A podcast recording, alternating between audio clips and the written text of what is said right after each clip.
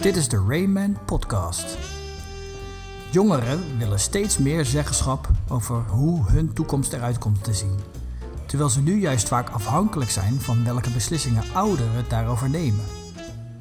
Netwerk 2100 pleit voor meer brede welvaart vanuit de bestuurskamers en maakt zich hard voor meer jonge mensen op bestuurlijke posities. Raymakers Robert van Waart en Tessa Voordouw gaan in deze podcast in gesprek met Nicky Trip, medeoprichter van Netwerk 2100, over het belang van nieuw leiderschap en het verjongen van de bestuurskamers. Veel luisterplezier. Hoi, leuk dat je weer kijkt, uh, luistert naar uh, deze Rayman Podcast, podcast. Uh, hier vanaf onze plek uh, op Hilversum de Hoorneboeg.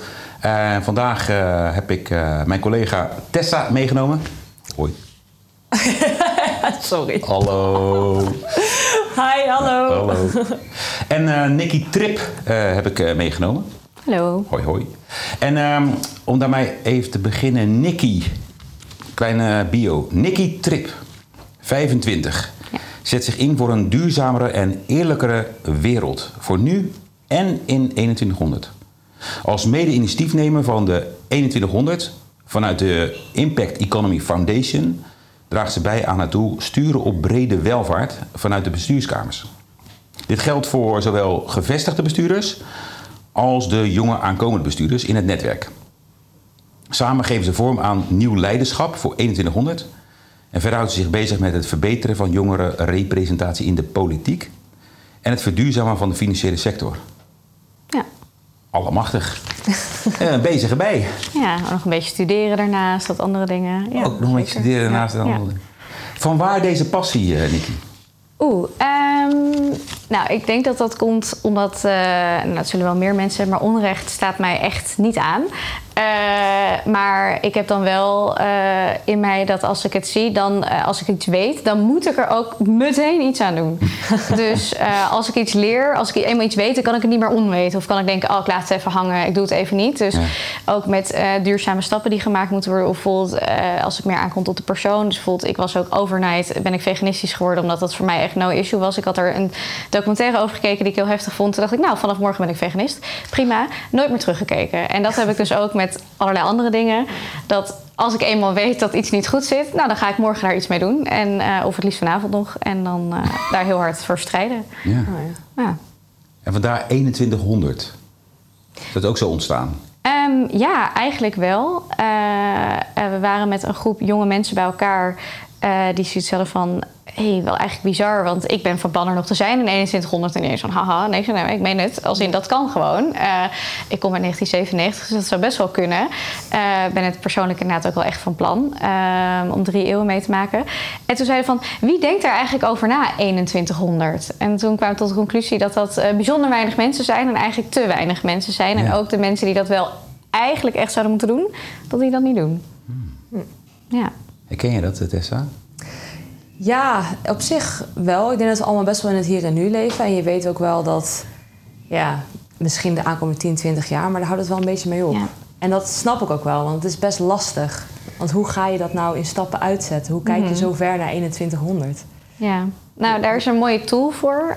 Um, je, er zijn verschillende plekken, um, bijvoorbeeld op internet kan je verschillende kalenders vinden, waar je bijvoorbeeld een jaartal kan intypen en dan krijg je een soort van kalender met hokjes met het aantal weken tot en met 2100. Oh. Uh, en dat hebben wij dus uh, nou, gedaan en die hebben we ook voor ons om dichter bij ons doel te komen en te denken oh, van, oh, we moeten naar ons doel toe werken.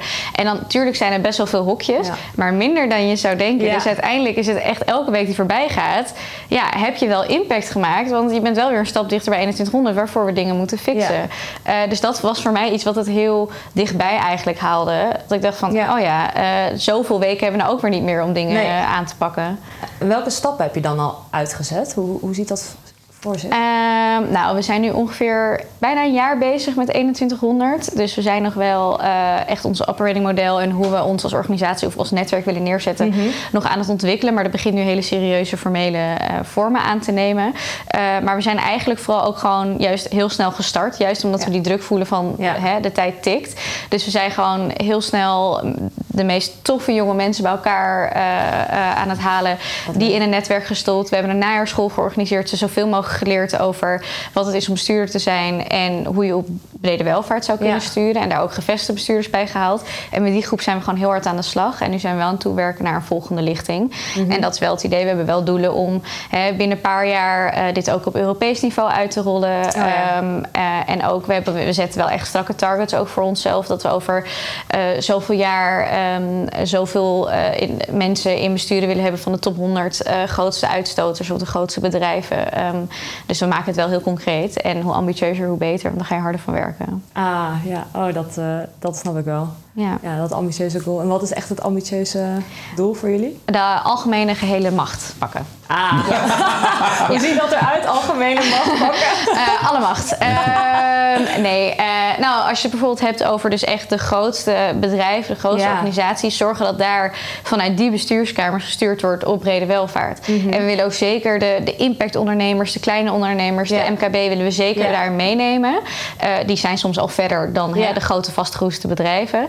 Maar juist die hele grote instanties, die willen we echt aanpakken, die olietankers. Um, om die eh, om te zorgen dat daar op brede welvaart wordt gestuurd, omdat zij zoveel impact maken. En we zijn ook wel een beetje bezig met de publieke sector. Ehm, maar politiek is nu niet iets wat we heel erg ambieus. Als we het over macht hebben, gaat het meer over het bedrijfsleven dan.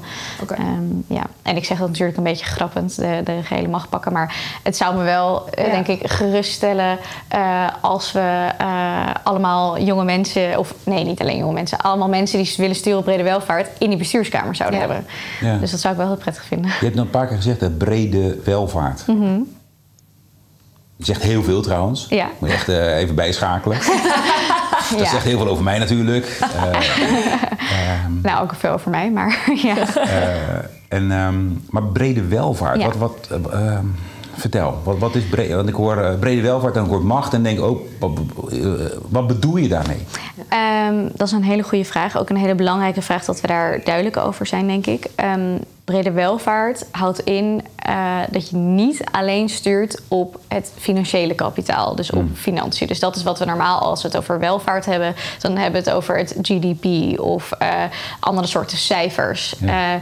En dat is natuurlijk niet het enige wat ons brede welvaart of welzijn brengt komt niet alleen uit getallen. Uh, want als je geen gezonde planeet meer hebt om op te wonen, of uh, geen biodiversiteit meer hebt, of mensenrechten worden geschonden, uh, nou, dan wordt het niet per se gezelliger, leuker, beter van voor iedereen. En dus welvarender. Mhm. Dus wij zouden heel graag af willen van het alleen sturen op dat financiële kapitaal. Mhm. En ook sturen uh, op allerlei andere kapitalen, sociaal, menselijk, uh, natuurlijk kapitaal.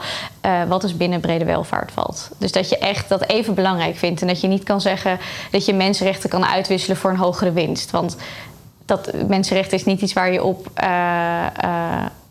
wat je kan verminderen en dan zeggen, maar we hebben wel meer winst, dus dat is dan prima of zo. Dat kan je niet tegen elkaar afzetten. Is dat niet al een beetje gaande met de laatste jaren met purpose en waarvoor ben ik er? En nou ja, wat je steeds vaker ziet in de bestuurskamer, ziet, uh, lange termijn waardecreatie. Hè? Um, is, is dit dan wat anders? Of uh, hoe, hoe, ja, hoe zie je dat? Ja, ik denk dat het meer. Ja, um, misschien meer allesomvattend. En het gaat wel een stuk verder. Want als bedrijf is het denk ik heel belangrijk dat je een purpose hebt die niet alleen zegt wij willen ontzettend veel geld verdienen. Het lijkt me prettig als bedrijven ook iets echt willen toevoegen verder. Mm -hmm. um, maar waar ze op rapporteren, uh, waar uiteindelijk beslissingen op worden gemaakt, waar aandeelhouders wel of niet boos om worden, dat gaat wel echt alleen om die financiën en om mm. dat geld. Mm. En daar zouden we heel graag van af willen dat het mm. dus uh, dat je ook rapporteert. Uh, dus je, ja, je jaarrekening, dat er echt allerlei kapitalen in terugkomen. Dus de maatschappelijke jaarrekening, dat je die gaat voeren, waardoor je ook veel makkelijker kan sturen op brede welvaart. En dat is wel echt iets anders dan een toffe purpose hebben. Um, Plus dat het dan ook het wat makkelijker maakt um, voor aandeelhouders om daar naar te kijken. Maar ook de maatschappij om te zien wat een bedrijf doet. Want als jij een hele goede purpose hebt en daar echt wel mee bezig bent. Maar daar weinig van laat zien. Of niet laat zien hoe je winst daar tegenover staat. Dan wordt dat erg ingewikkeld. Uh, dus we zouden gewoon graag gewoon graag willen ja. dat iedereen een maatschappelijke jaarrekening gaat voeren. Uh, waarmee je echt laat zien wat je dan uh, aan welvaart toevoegt. Ik kan me voorstellen dat luisteraars of kijkers zoiets hebben van... ja, uh, hartstikke mooi. Uh, maar je bent 25 mm -hmm. en je hebt behoorlijk wat stellingen. Ja. Uh, hè? Um, ja, waar hou je dat eigenlijk vandaan? Uh, wat is je recht van spreken? Ja. Uh, even, hè, wat, ja. Ik denk dat je dat best wel vaak ja, terugkrijgt. Jij, zeker. maar ook vanuit jullie groep van 2100. Ja, zeker. En dan? Nou, ten eerste ben ik veel groter aandeelhouder in tijd dan andere mensen. Want ik heb nog een veel langere horizon. Dus ik denk dat ik meer recht van spreken heb over sommige Hmm, dingen. Ehm, ik ben een groter aandeelhouder in, ja, in tijd en toekomst.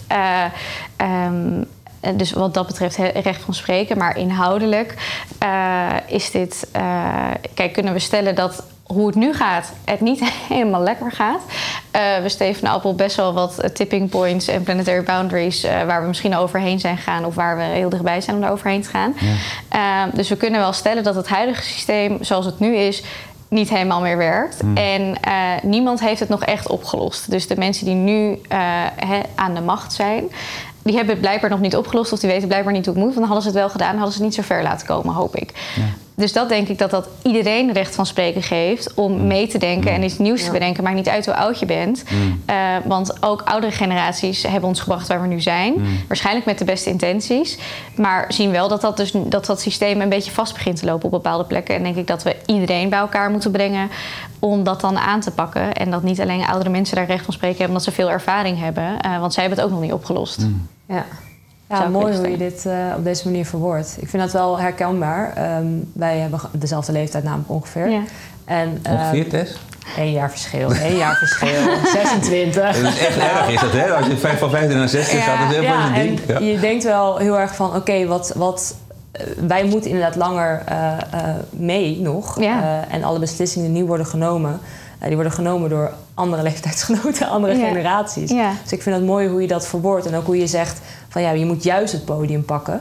Um, hoe, hoe gaat dat als je inderdaad met deze boodschap naar organisaties gaat... of misschien naar de politiek of bestuurskamers? Hoe reageren Mhm. ze dan op jullie? Nou, ze vinden het best wel spannend. Want ze zitten natuurlijk best wel vastgeroest in bepaalde Ja. systemen. Met, Mm. hé, hey, ja, maar de aandeelhouder die gaat dit nooit goed vinden. Ja, ja. Of, eh, eh, ja, maar we, we kunnen toch niet zomaar ineens omschakelen. Of kleinere organisaties zeggen, ja, eh, we hebben een halve accountant. Hoe gaat die nou ineens maatschappelijke jaarrekening ook doen? Dus ik snap echt wel dat er dingen zijn die lastig zijn. Waar Best mensen wel weerstand tegen... dus. Ja, nou ja.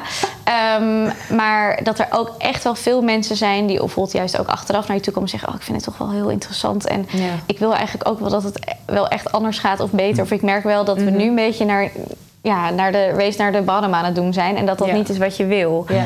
Ehm, dus er is wel wat weerstand. Ehm, maar ik denk wel eh, steeds minder en steeds meer mensen die toch wel heel geïnteresseerd zijn. Denken, oh, en eh, hoe werkt dat dan? Ja. Eh, eh, brengt wel een mooi nieuw perspectief in zo'n bestuurskamer. Dat, eh, dat is wel één ding wat zeker, is. En ik denk ook daarom dat het belangrijk is... met 2100 zijn we intergenerationeel.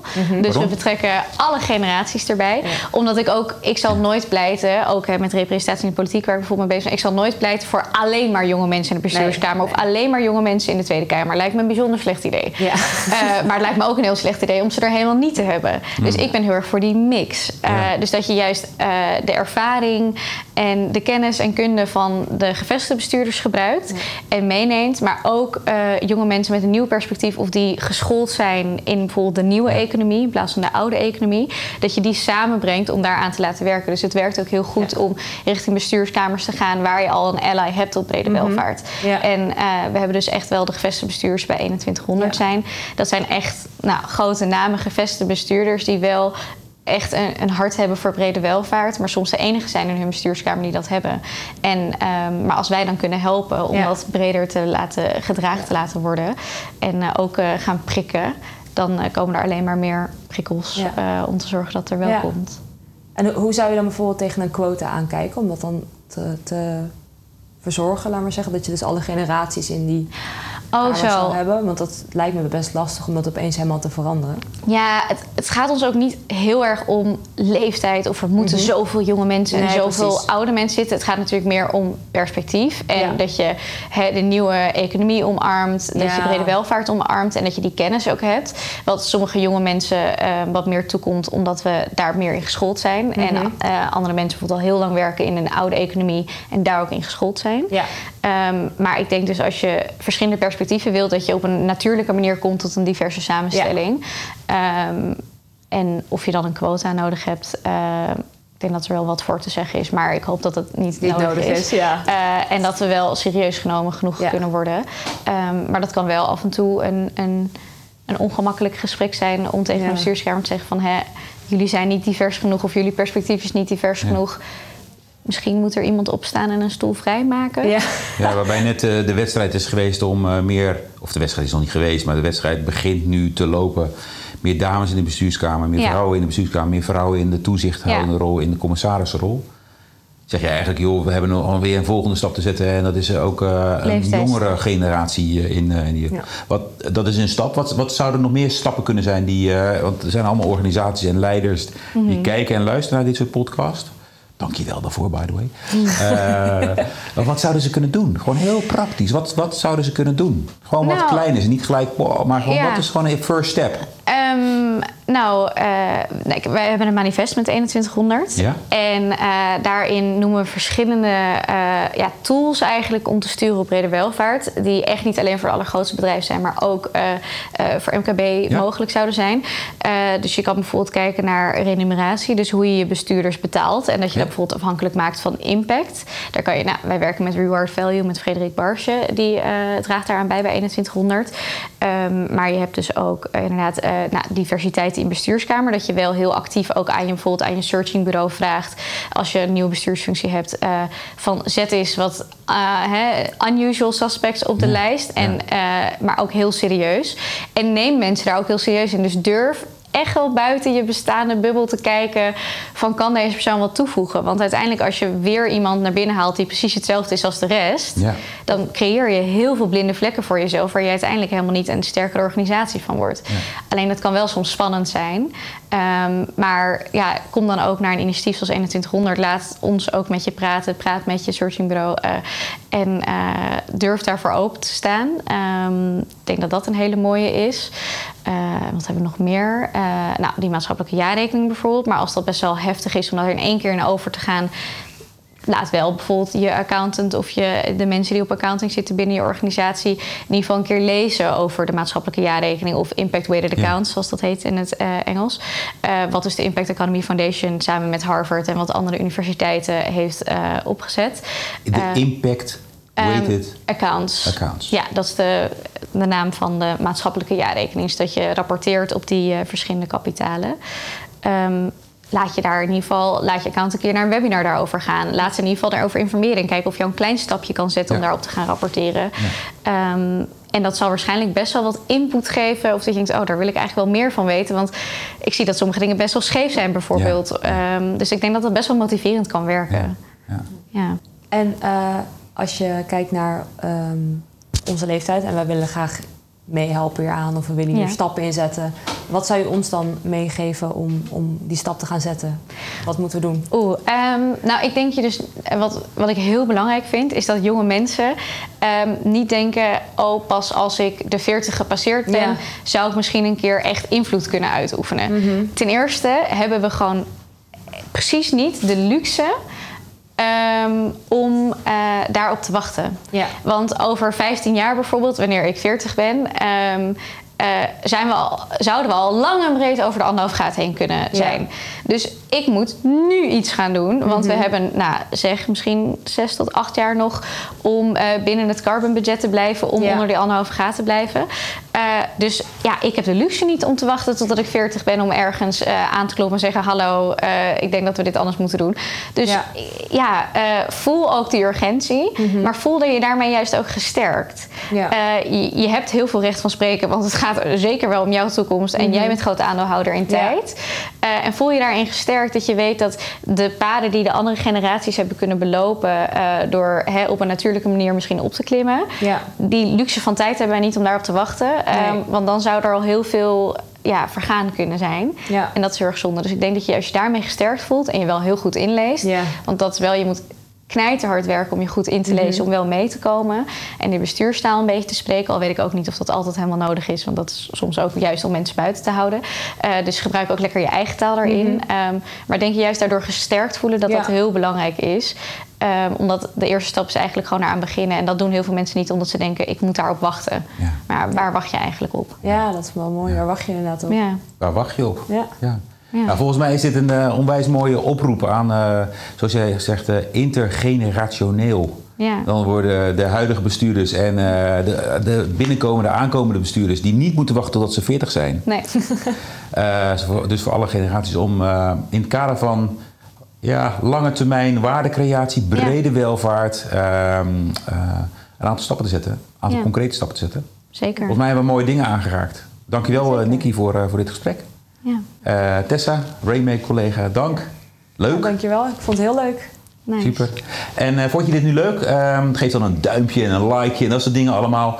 En eh, vind je het, eh, heb je zoiets van, eh, ik wil hier meer over weten? Ehm, kijk op uh, www.raymangroep.com eh, voor nog meer podcasts en podcasts.